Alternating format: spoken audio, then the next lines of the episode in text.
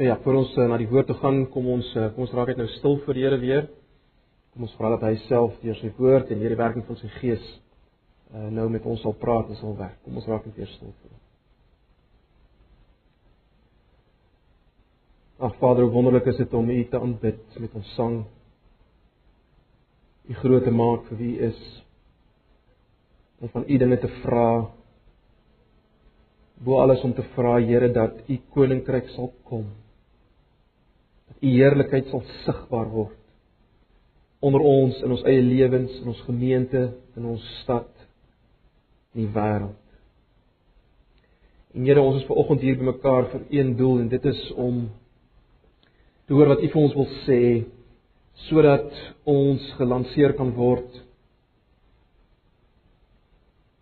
juis vir die doel om U koninkryk te laat sigbaar word, te laat kom.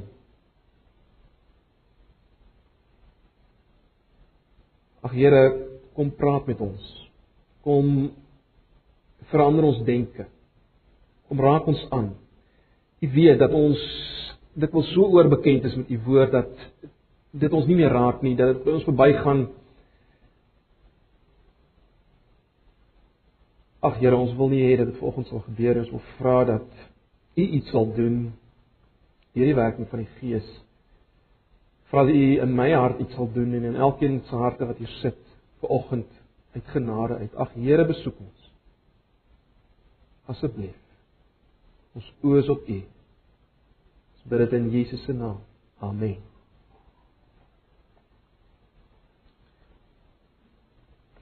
Nou, julle kan so lank eh, die Bybel oop maak by Matteus hoofstuk 9. Matteus hoofstuk 9. Ons is nog besig om uh, na verskillende gedeeltes te kyk in die begin van die jaar.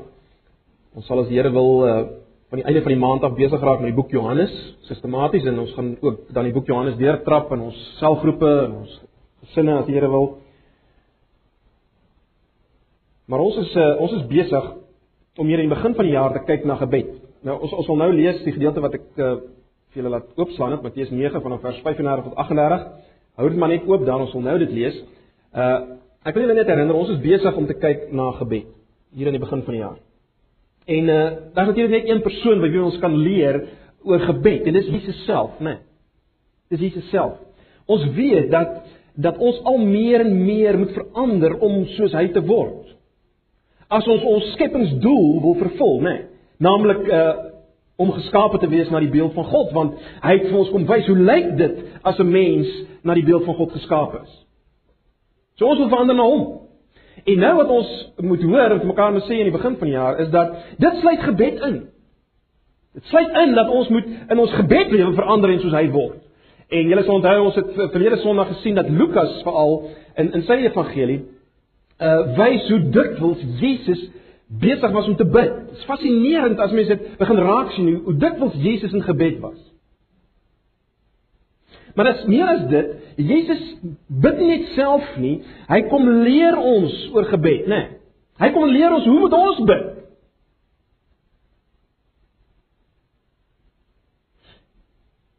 En ek wil dit so stel, hy kom leer ons om te bid soos hy gebid het. En dit is vergeet dit dikwels. Hy kom leer ons om te bid soos hy gebid het. En dis wat ons gekyk het verlede Sondag toe ons gekyk het na Lukas 11 se weergawe van die van die van die sogenaamde uh onsse Vader en die gedeelte wat daarna kom. Die hele gedeelte in Lukas 11. Daar sien ons hoe Jesus ons leer om te bid soos hy bid. En uh, ek weet nie of julle kan onthou wat was die die rigtingaanduiers van gebed wat hy daar vir ons gegee het nie. Onthou julle dit in Lukas 11? In die eerste plek wys Jesus dat ons gebed, sy gebed en ons gebed moet God gesentreerd wees. Vader, laat U naam geheilig word. Laat U koninkryk kom. Ons gebed moet God gesentreerd wees. Dis die eerste ding wat hy daar vir ons wys. Tweedens het ons gesien, hy wil hê ons gebed moet wees vanuit 'n posisie van sekuriteit in die Vader se liefde. En daarom moet ons uh, uh, begin en lê klem daarop ons spreek God aan as ons Vader. Nie as die groot opperwese en die Skepper nie. Ons Vader. Dis ons moet aanspreek in gebed. Ons moet bid vanuit die bewustheid dat hy vir ons meer goed wil doen as wat enige aardse pa vir ons wil doen. Onthou julle die gedeelte in Lukas 11? So dis die tweede rigting aan daai van gebed wat Jesus vir ons gee in Lukas 11. Die derde een was dit. Ons moet volhardend bid. Ons moet voortgaan om te bid. En let wel, ons het gesien nie omdat God soos daardie uh, onthou julle die storieetjie van die die vriend wat in die nag of die man wat in die nag na sy vriend gegaan het en uiteindelik uh, sy vriend wou nie oopmaak nie, uiteindelik maak hy maar oop omdat die man so aanhou. Jesus wil hê ons moet so volhard en aanhou om te bid Maar nie omdat God is soos daai vriend wat nie wil oopmaak nie, maar uiteindelik omdat hy moeg is vir die aanhou van die vriend oopmaak. Nee, God is juis nie so nie, nê. Nee. Ons ons het dit gesien in Lukas 11. God is juis uh meer besorg en en liewer vir ons as enige aardse pa. Hy wil ons meer graag help as enige aardse pa.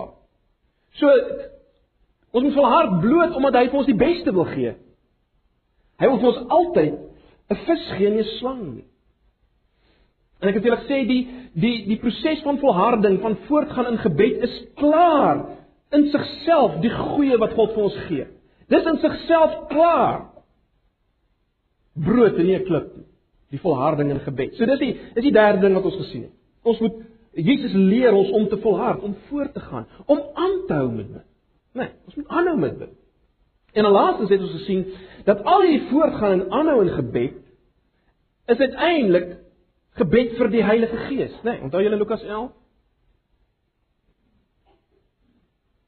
Jesus eindig en, en en sê, "Hoeveel te meer sal die Vader julle die Heilige Gees gee as julle so vir hom vra?" Aardse paas goeie dinge gee vir hulle kinders, hoeveel te meer sal die Vader vir julle die Heilige Gees gee as julle bid. So hierdie volhardende gebed is ten diepste gebed vir die Heilige Gees. So, onthou dit, onthou hierdie raamwerk, want nou gaan ons as te ware net net voortbou uh daarop as ons gaan kyk na nog 'n gedeelte waar Jesus praat oor gebed. Uh gedeelte wat ons miskien dikwels mis en dit is uh Matteus 9 vers 35 tot 38. Kom ons lees dit nou. Matteus 9 vanaf vers 35. Kom ek lees maar die 83 vertaling. Ek dink nie daar's groot verskille wat hierdie vertalings vir hierdie gedeelte betref in die vertalings nie. Vers 35. Jesus het al die dorpe en klein plekkies besoek. Hy het die mense in hulle sinagoges geleer, die evangelie van die koninkryk verkondig en elke soort siekte en kwaal gesond gemaak. Toe hy die menigtes sien, het hy hulle innig jammer gekry, want hulle was moeg en hulpeloos, soos skape wat nie 'n wagter het nie, letterlik wat nie 'n herder het nie, né? Vers 37. Toe uh, hy sê toe vir sy disippels, die oes is groot, maar die arbeiders min. Bid dan, bid dan die Here aan wie die oes behoort om arbeiders uit te stuur vir sy oes. Nou, ek wil ons moet 'n paar dinge raak sien in hierdie gedeelte wat baie belangrik is as ons uh, wil begin nadink oor gebed en hoe ons moet bid en en waarvoor ons moet bid. 'n paar dinge wat ons moet raak sien. Die eerste ding wat ek wil hê ons moet raak sien is dit. Hierdie gedeelte uh Matteus 9 vers 35 tot 38. Dit wat hier gebeur, vind plaas nadat Jesus gedoop is en die Heilige Gees oor hom gekom het. Dit wat hier gebeur vind plaas nadat die Heilige Gees oor Jesus gekom het. Hoekom is dit belangrik? Wel, Kom ons bly net weer terug na Lukas. Lukas is die ou wat baie fokus op gebed en hy hy hy hy lig dit meer uit as die ander evangeliste. Hy skryf dinge neer oor gebed wat die ander nie doen nie. Kom ons bly na Lukas uh 3 toe. Lukas 3 vers 21 en hier sê Lukas iets wat net Lukas ons sê. Die ander sê dit nie. Lukas 3 vers 21. Toe al die mense hulle laat doop het, is Jesus ook gedoop. En terwyl hy staan en bid, het die hemel opgegaan en die Heilige Gees het in 'n sigbare gestalte soos 'n duif op hom neergedaal.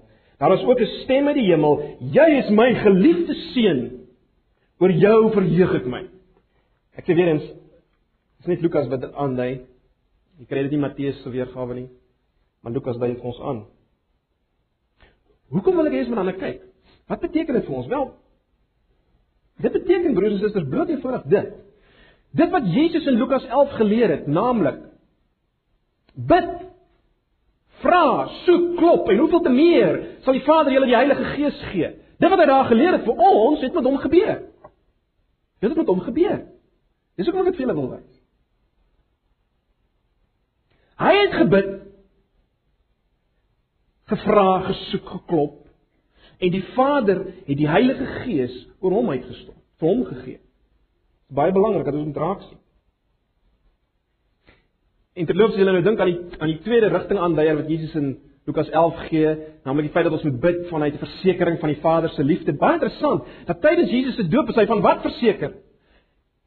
Dit is my geliefde seun in wie ek welbehaag. Jesus is verseker van die Vader se liefde. In dieselfde tyd, by dieselfde gebeurtenis, is hy verseker van die Vader se liefde. En dat die Vader die beste vir hom wil. En dan daarna gebeur dit wat ons gelees het in Lukas 9, né? Ag in Matteus 9. Dit is belangrik om dit te raak sien. Nadat dit gebeur het, gebeur Matteus 9 vanaf vers 35 nadat Jesus gebid het en die Heilige Gees hom gekom het, soos hy ons geleer het in Lukas 11. So is baie belangrik dat ons dit raak. Dis daarna wat hy doen wat beskryf word in Lukas 35 en verder. So dis die eerste ding wat ons moet raak sien. Die tweede ding wat ons moet raak sien is dit. Jesus was besig hier in hierdie gedeelte wat ons gelees het, was hy besig om die koninkryk van God te laat sigbaar word. Lees net weer vers 35. Jesus het al die dorpe en klein plekkies besoek Hy het die mense in hulle sinagoges geleer, die evangelie van die koninkryk verkondig en elke soort siekte en kwaal onder die volk genees. Of ekskuus, ek het in die volk bygesit. Elke soort siekte en kwaal gesond gemaak, nee, dis wat daar staan. Is interessant dat uh dit nie die eerste keer is wat wat dit so beskryf word nie. As jy miskien net vanaf blaai na Matteus 4 vers 23 en sien uh, kyk net gou na Matteus 4 vers 23. Kyk wat skryf ons hier in Matteus 4 vers 23 reeds. Hy, dis Jesus, het toe in die hele Galilea rondgegaan en die mense in hulle sinagoges geleer, die evangelie van die koninkryk verkondig en elke soort siekte en kwaal onder die volk gesond gemaak. Sien julle is presies dieselfde as wat ons by in Matteus 9. So dis waarmee Jesus besig was. As ons dit uitmekaar uithaal, waarmee was hy besig? Hy het mense geleer in die sinagoges Hy het verkondig dat die koninkryk aangebreek het in die tweede plek en hy het elke siekte en kwaal genees in derde plek. Dis wat hy gedoen het. Dis waarmee hy homself besig gehou het. En nou as julle weet, ons het baie daaroor gepraat hier in die gemeente. Uh Jesus het gekom om die koninkryk van God sigbaar te maak, né? Nee. Dis wat hy doen as hy dis wat hy sê as hy verskyn en sê die koninkryk van God het naby gekom. Bekeer julle en glo hierdie goeie nuus. Die evangelium, die evangelie, die goeie nuus dat die koninkryk gekom het, glo dit. Verander julle denke en glo dit. Wat is die koninkryk van God? Uh die van julle wat die wat die Bybel oorsig gedoen het, wat ons sonnaande gedoen het, sal baie goed dit weet. Ek het al hier daaroor gepraat. Die koninkryk van God is dit wat ons dwars deur die Bybel kry. Dit beteken maar net die situasie wat ons in Eden gehad het. Naamlik waar God in beheer is. En waar mense ons onder sy regering staan in 'n volmaakte verhouding met hom, in die regte verhouding met mense rondom hulle en hulle self en met die in die regte verhouding met die omgewing, met die wêreld. Dis die dis die koninkryk van God, dis wat God wil. En dis verbreek deur die sondeval, nê? Nee, en ons sien dit in die hele Ou Testament is vol van die verbreeking daarvan. En dan kom Jesus en hy sê nou het dit weer moontlik geword. Hierdie heerskappy van God, hierdie herstel van verhoudinge op alle vlakke dis wat nou weer moontlik is. So wat moet ons raak sien hier? Wat ons raak sien broers en susters is dit. Dit wat Jesus ons geleer het in Lukas 11, naamlik om te bid. Laat u koninkryk kom. Dit het Jesus gebid en dit is beantwoord. Hoe is dit beantwoord? Dit is beantwoord deurdat Jesus of is beantwoord in die vorm van Jesus wat in die sinagoges geleer het omtrent wat omtrent die koninkryk. Julle sal weet, ons kry byvoorbeeld uh, as as jy wil weet waaroor dit gegaan, eh, 'n goeie samevatting is in die bergrede waar hy leer oor die koninkryk. Julle sal weet salig is die wat weet hoe afhanklik hulle van God is of arm van gees is, aan hulle behoort die koninkryk van die hemele, koninkryk van God. En dan kry ons al die karaktereienskappe van die wat behoort aan die koninkryk. Al sy gelykenisse, die koninkryk van God is soos hy leer. En dis wat hy geleer het. Hy het geleer aan aangaande die die koninkryk van God, die heerskappy van God. En meer as dit hy het verkondig dat hierdie koninkryk aangebreek het. Dat mens jou denke moet verander en dit glo. Dan word hy het net geleer in die sinagoges oor die koninkryk nie. Hy het ook dit verkondig, dit die gedagtes meer publiek dit aangekondig dat hierdie ryk aangebreek het. Dis wat hy gedoen het. En dan in die derde plek het hy ehm uh, elke siekte en kwaal genees.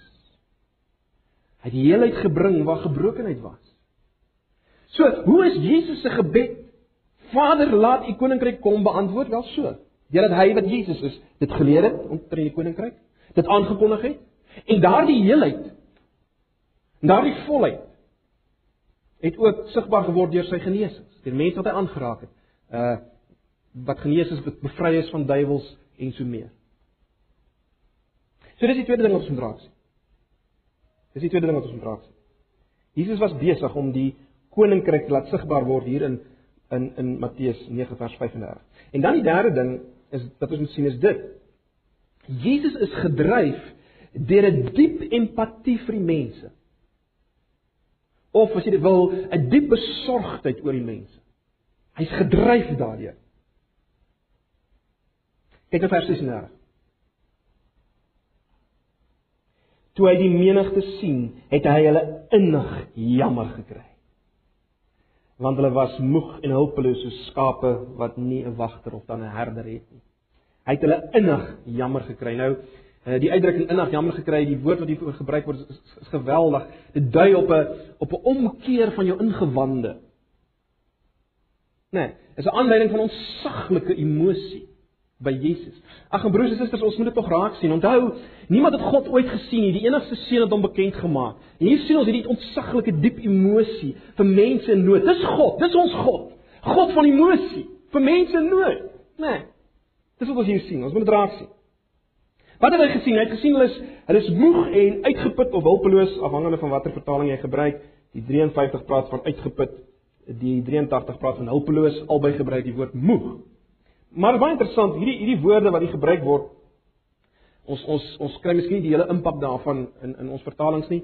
Maar hoe dit ook al sê, die die woord moeg uh dis die woord wat gebruik word of gebruik is wanneer vel as te ware afgeskraap is. Dis die woord wat daar gebruik word. In ander woorde, dis gebruik vir skape as hulle deur deur 'n rowwe terrein geloop het, doringbosse en goeters en hulle velle is so afgeskraap lyk gehavend. Ek dink van van julle wat van plaas af kom, sal weet waarvan ons praat. Skape kan oes lyk. Gehavend lyk. En dis dis die gedagte hier. Dis dis wat die woord beskryf. Hierdie hierdie mense het gehavend gelyk so skape wat deur doringbosse geloop. Hulle was gehavend. Dis hoe hulle vir Jesus gelyk het, let wel. Dis hoe hulle vir Jesus gelyk het. En in die tweede plek, hulle was uitgeput of dan hulpeloos. Nou die die woord beteken letterlik uitgewerk, maar dit is ook gebruik uh, veral vir uh vir skape wat wat nie verder kon loop nie, wat verlam is, wat uh wat besig was eintlik om om te beswyk van die dors. Dis die woord wat daar gebruik is. En dis wat Jesus gesien het. As hy na hierdie mense kyk. Hy's omgekeer in homself met emosie. As hierdie mense gesien het wat wat gehavend is, so skape wat wat die robbe terrein geloop het en wat verlam is, wat besig is om te beswyk van die dors. Dit is wat Jesus gesien het. Hy het gesien die skape wat nie 'n herder gehad het nie. Hoekom hoekom sê hy dit wel die, die herder in daai tyd sal julle weet, uh hy was die ou wat gesorg het dat dit nie met die skape gebeur nie, dat hulle nie so lyk nie. Dis almal teen Psalm 23, né? Nee, hy laat my neer lê in groen weivelde, na waters waar rus is lê hy my heen. Dis die herder. Die herder het daar gesit een kant. Die skape is is net so mooi, né? Die, die die herder in daai tyd gesit op op, op 'n koppie miskien en hy hy dopgehou. Wat waar beweeg die skaap? En as hy sien een dwaal af om om om deur bosse te gaan, het hy hom gaan keer het om met die stok en die staf ter gebring sorg hulle nie daarin gaan nie. Die herder het het die skape opgepas en gesorg dat hulle nie gehavend gelyk het en uitgeput was besig om te beswyk van die dors nie. Hy het hulle gelei na waterstrome of waters waar rus is. Dit was die werk van die herder. Jesus sien hierdie mense en hy sien hulle het dit nie. Hulle het nie herder nie. Hulle het nie herder nie. Hulle hulle gehavend. Besig om te beswyk. Kom ek stel dit anders. Dit wat Jesus gesien het was in stryd met die koninkryk van God. Dit was 'n stryd met die heerskappy van God, die heelheid, die vreugde, die volheid onder God se regering, onder God se heerskappy. Dit wat hy gesien het, was 'n stryd daarmee. En broers en susters, dit is wat Jesus gedryf het om te bid, laat u koninkryk kom. Wat hy gesien het. Wat hy gesien het, was teenstrydig met die koninkryk, met die heelheid. Dit was nie heel nie, dit was stukke. Dit was nie shalom nie. Dis wat hom gedryf het om om te bid. En dit is wat hom hier so oorweldig het dat hy in vers 37 sê die oes is groot maar die arbeiders is min. Die oes is groot, maar die arbeiders min. En let ek op broers en susters. Ons het net mekaar gesê hierdie hierdie mense wat Jesus gesien het word beskryf as gehavend, nê, nee, dis soos Jesus hulle gesien het. Gehavend. Sonder herde. Verlam. Hy beskryf hulle as 'n oes. Nou 'n oes, sal julle weet, 'n oes is eintlik dit wat nou kan afgehaal word van die land. Met ander woorde, goed wat nou ryp geword het, nê. Nee. Koring wat vol staan in die aar wat wat moet afgehaal word. Dis dis 'n oes. Hierdie mense, die teenoorgestelde gelyk, is dit nie? Hulle het meer gelyk as hulle deur 'n haalstorm was. Koring wat deur 'n haalstorm geslaan is. Hulle het nie soos 'n oes gelyk nie. Maar Jesus sê, die oes is groot, die arbeiders is min. Met ander woorde, die ouens wat die oes moet insamel is net min, die oes is groot. Wat bedoel hy? Wat beteken dit? Hulle kan net een ding beteken, broers en susters, en dit is dat Jesus het na hierdie mense gekyk, nie soos ander mense na hulle gekyk het. As ander mense na hierdie mense gekyk het, sou hulle waarskynlik net mense gesien het wat moeg en uitgeput is. Bietjie rigtingloos is. Jesus beskryf dit as 'n oes. Hy beskryf hierdie mense as 'n oes.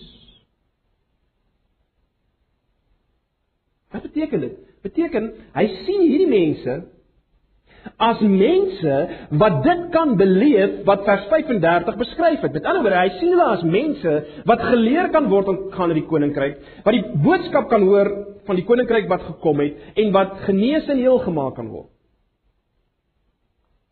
Dis wat hy sien as hy na hulle kyk. Hy sê die oes is groot.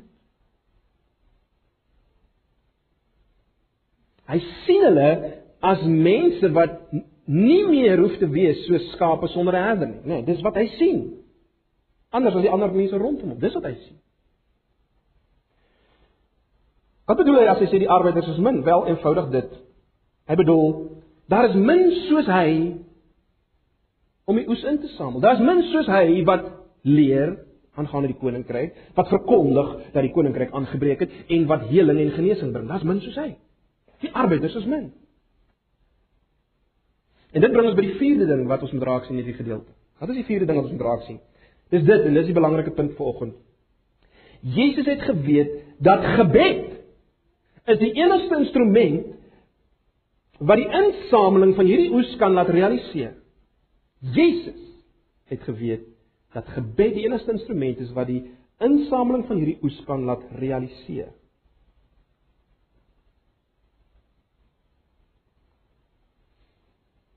Onthou nou, ons sê mekaar vanoggend hy het gebid. En toe hy gebid het, het die Heilige Gees oor hom gekom en hy het begin doen wat vers 35 sê. En hy is baie bewus daarvan as daar meer arbeiders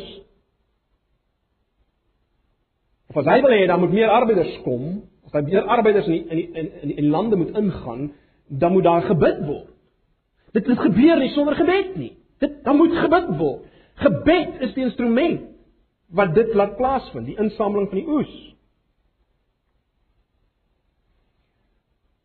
'n ander woord, ek dink dit is baie logies, hoe sal die beantwoording van daardie gebed dus lyk? Hoe sal die beantwoording van die gebed vir meer arbeiders in die oes, hoe sal dit lyk? Wel, baie eenvoudig. Dit sal kom in die vorm van al meer mense wat soos Jesus in vers 35 optree. Is dit nie? Is dit nie die logiese ding nie? Dit sal kom in die vorm van al meer mense wat optree soos Jesus in vers 35 opgetree het. En is dit nie nou die beantwoording van die gebed waarvan Jesus in Lukas 11 gepraat het nie as hy sê bid laat u koninkryk kom. Dit is die beantwoording van daardie gebed. Laat u naam geheilig word. Laat u koninkryk kom. Lukas 11. Nou baie interessant. Laat jou oog nou net oorgaan na hoofstuk 10 van Matteus.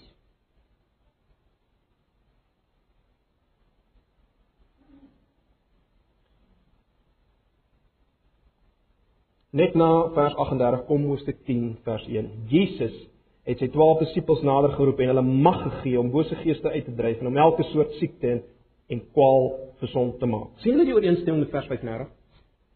Die einde van vers 35 lees en hy het elke siekte en elke kwaal onder die volk genees. Dis presies hoe die einde van vers 10 lyk. Elke soort siekte en elke kwaal. En as jy net jou oog laat afgaan na vers 7, dan sien jy wat ons hulle doen, gaan verkondig vers 7, die koninkryk van die hemel het naby gekom. Dis ook wat Jesus gedoen het. sien julle die inkoms wat Jesus in vers 35 gedoen het en wat die disippels, die 12 nou doen in hoofstuk 10. So wat doen Matteus hier?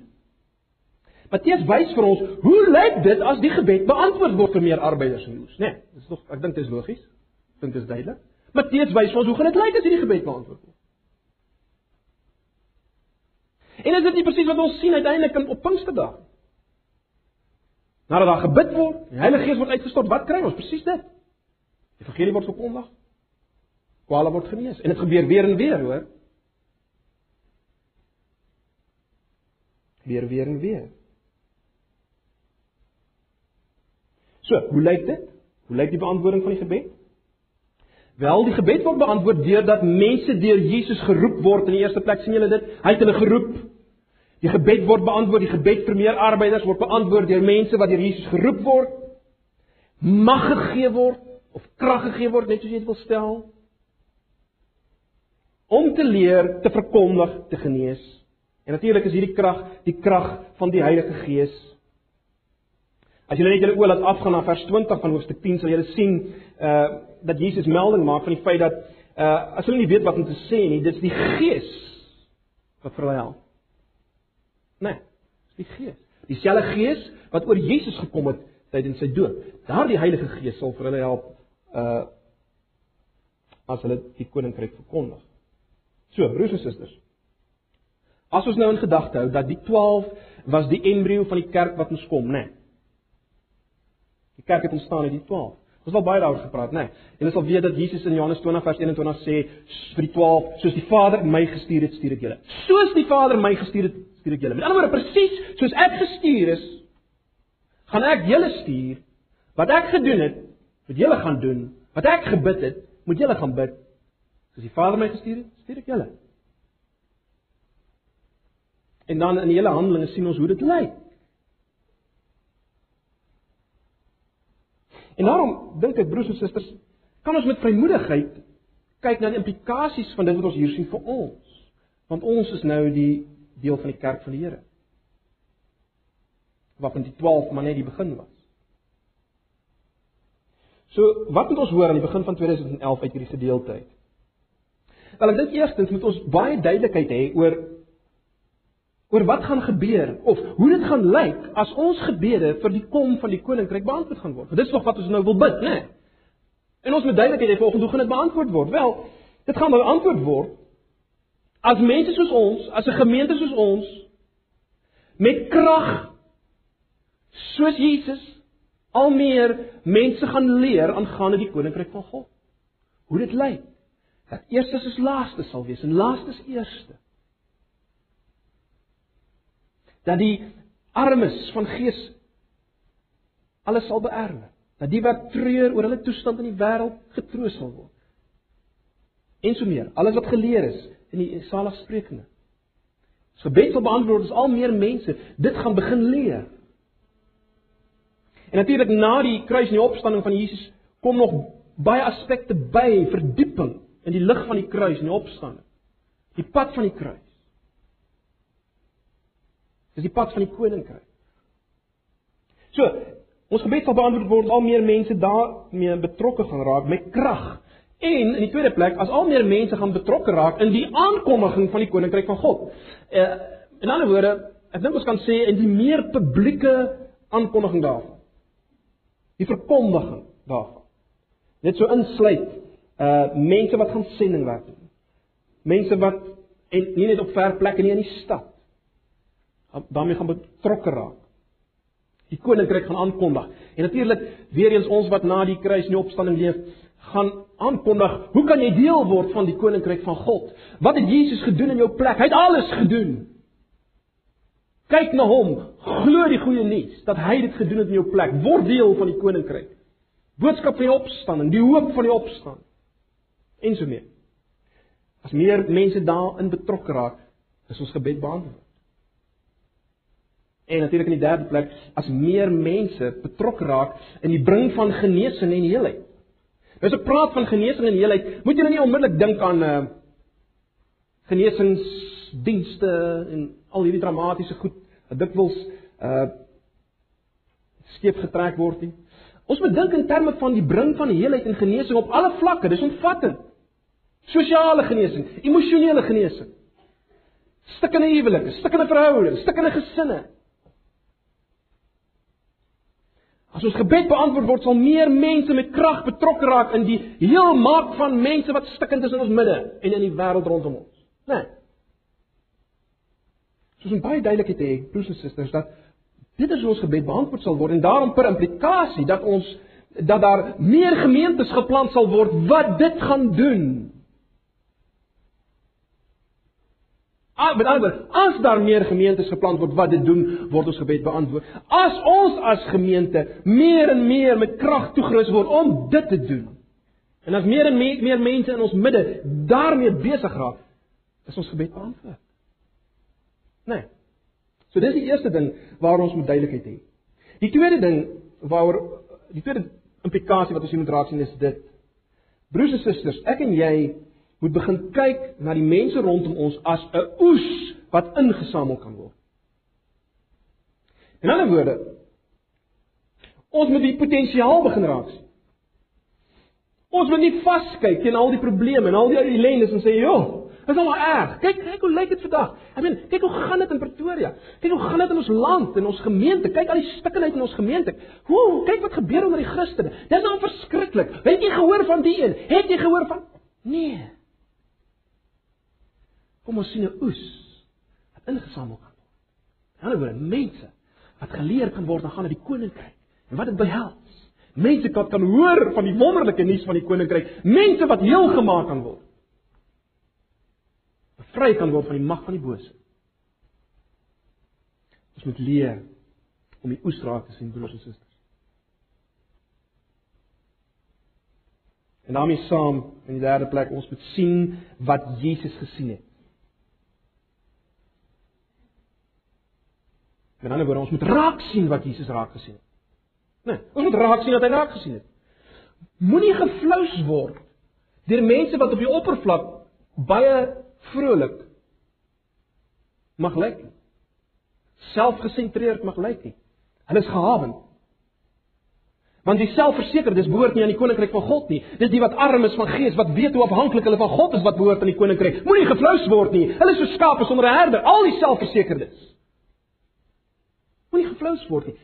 Begin raak sien wat Jesus raak sien. Mense wat hulpeloos is, mense wat moeg is, mense wat besig is om te beswyk in jou skool, kinders, by jou werk, in ons gemeente, na buite. Gesinne wat nie funksioneer met soos hulle moet nie. Huwelike wat stikkend is. sien dit. En dan in die vierde plek besef broers en susters, besef hierdie oes hierdie oes word nie ingesamel. Hierdie herderloosheid, hierdie stikkindheid word nie opgelos sonder gebed nie. Dis wat ons vanoggend vir mekaar wil sê, is dit. Dit word nie opgelos sonder gebed. In ander woorde ek en jy moet oortuig raak. Werklik oortuig raak, want ons is nie En ek praat oor myself. Ons is nie werklik oortuig dat gebed en gebed alleen die verandering kan bring. Want dit is deur gebed en gebed alleen dat die Here arbeiders in sy oes sal instuur. Mense sal verander vanaf hulpelose skape sonder 'n herder soos heel mens uh, tot heel mense met 'n herder. Net die Here van die oes kan dit doen en hy doen dit in antwoord op gebed. Ja, versekerlik sou hy dit sonder dit kon doen, maar hy doen dit nie sonder dit nie. Dis die hele punt. Hy wil ons inskakel en hy het gebed as die instrument gegee om ons in te skakel en ons moet oortuig wees daarvan. Jesus het dit gedoen. Die een wat ons absoluut kom wys hoe lyk dit om beeld van God te wees. Hy het gebid en nadat hy gebid het, het die Gees oor hom gekom en hy het begin om te leer, maan te kondig om te genees, is dit nie? En dit het weer en weer gebeur. Pinksterdag. Weer daarna in Handelinge 4, gaan lees net weer Handelinge. Jy sien dis wanneer daar gebid word broers en susters. Dis wanneer daar gebid word wat mense geroep word. Nee en met krag toegerus word om hierdie dinge te doen. Terloops, dit is wat weer en weer in die geskiedenis gebeur het in herlewings. Ons praat baie oor herlewing. Wat het gebeur in herlewing? Bloot dit. Mense het begin raak sien dit wat Jesus raak gesien het. Die stikkindheid, die gehawendheid, maar die potensiaal vir oes. En hulle besef net een kan dit doen. Net een kan arbeiders uitstuur. Net een kan die situasie so verander, dis God en dan hulle begin bid. Gaan lees maar al die herlewings, alle ware herlewings, gaan kyk hoe dit begin. Gaan kyk hoe dit begin.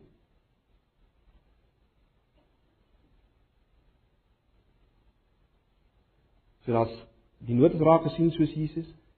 As besef daar's net een manier, daar's gebid en God het geantwoord en wat gebeur het is dit wat ons hier gesien het. Lering omtrent die koninkryk. Verkondiging van die koninkryk en heling en genesing. Gaan lees die herlewings. In die 18de eeu se herlewing. Dit was chaos. Elke vyfde huis was 'n drankwinkel in Engeland. Maar die herlewing het verander. Sosiale genesing. Slawe arbeiders was eintlik as uitvloeisel van die herlewings afgeskaf. Gaan lees dit. Groot predikers het opgestaan, Whitfield en Wesley het opgestaan en begin wat doen? Wel, die koninkryk verkondig. Suid-Afrika, 1860. Daar's gebid. God het geantwoord. Dis nood is gesien in Suid-Afrika. As gebid, God het geantwoord. Mense soos Andrew Murray het opgestaan. Begin preek. Daar het heling gekom tussen rasse. Geweldig as jy dit gaan lees. Opheffing opheffingswerk en baie interessant. 'n Vloed van sending het gevolg. Dis fascinerend as jy gaan kyk hoeveel enkel e, sendelinge is uitgestuur deur die NG Kerk na die herlewing onder Andrew Murray. Dis verstommend. Dele Afrika was vol van hulle en jy kry nou nog die tekens daarvan stomme dinge gebeur. Terloops ook na die Great Awakening, 'n uh, 'n sending uh, dit daar het iets gebeur. Oral het sendingsorganisasies begin ontstaan. Waar het dit ontstaan? Dit na die herlewing ontstaan. Dit was eintlik nie sending tot op daai stadium. Dit is ongelooflik om dit te gaan lees. So, broers en susters, dis wat gebeur, dis wat kan gebeur, dit het gebeur. Net 'n laaste gedagte. Onthou net, dis deur gebed wat ek en jy wat hier sit geroep gaan word om dit te doen. Met krag toegerus word om dit te doen, is dit nie? Nou is die vraag vanoggend, is ek bereid? Wil ek deel word van hierdie gebed? Laat U koninkryk kom. Ek kan dit nie bid as ek nie deel word van van die van die realisering daarvan. Dink ons, dink ons dan moet magies net goeders gebeur? Nee, God werk nie so. Hy werk deur mense wat hy roep om te doen. So as jy bid, vra jouself as ek gewillig dat God my gaan gebruik daarvoor. Stel ek my tot beskikking daarvoor. So ek sluit af broers en susters en ek som net op. Wat het ons nou gesien in hierdie twee sonde? Wel ons het gesien as ons bid. Die gebed wat die Here so antwoord soos ons nou vir mekaar probeer sê. Hoe lyk daardie gebed? Wel is 'n gebed wat God gesentreerd is, né? Nee. Soos ons bid, sorg dat ons God gesentreerd bid. Laat U kom. U naam geheilig. Dis gebed wat God gesentreerd is. Maar dis gebed wat gebid word vanuit 'n bewustheid dat ons bid met ons praat met ons Vader. So dis die tweede ding. Derdens volhard. Volhard gaan voort, moenie ophou nie. Vierdens Vol hierdie volhardende gebed loop altyd uit op die gee van die Heilige Gees. En wat het ons vanoggend gesien? Hoe lyk dit as die Heilige Gees gegee word? Wel, mense raak betrokke in dit wat ons nou na gekyk het, nê. Nee, die koninkryk word sigbaar. Dis wat ons vanoggend nou bygeleer. Koninkryk word sigbaar. En dit alles vind plaas as ons begin die nood raak sien soos Jesus en die potensiaal, nê. Nee. Net as ons die as ons die stikkindheid raak sien, maar ook die potensiaal, sal dit ons dryf om so te bid.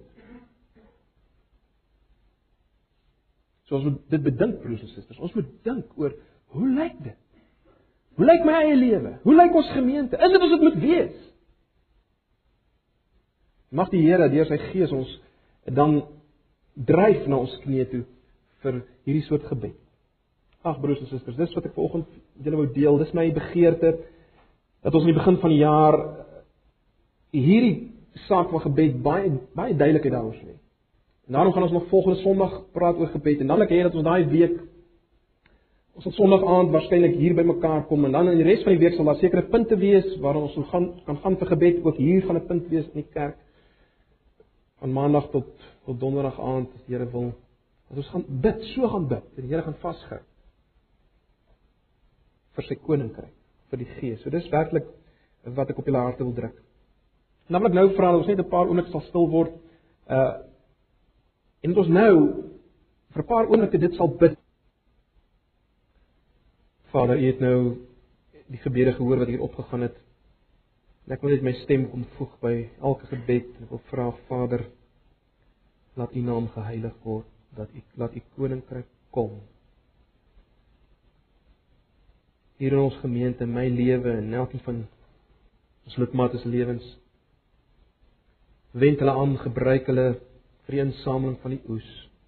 Stuur arbeiders uit in die oesland, Here. Asseblief. Nou wil ek maar net bid vir Mike en Tannie Hilda as hulle teruggaan. Ag Here, dat U hulle sal bewaar.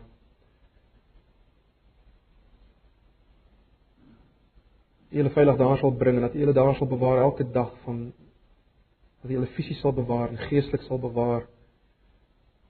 Dat u julle sal toerus en sal salf met die Heilige Gees en dat dat die koninkryk van God rondom hulle sal sigbaar word op wonderlike wyse. Asseblief ons pleit dit van u. Oor ons gebed Here. Wees ons genadig in hierdie gemeente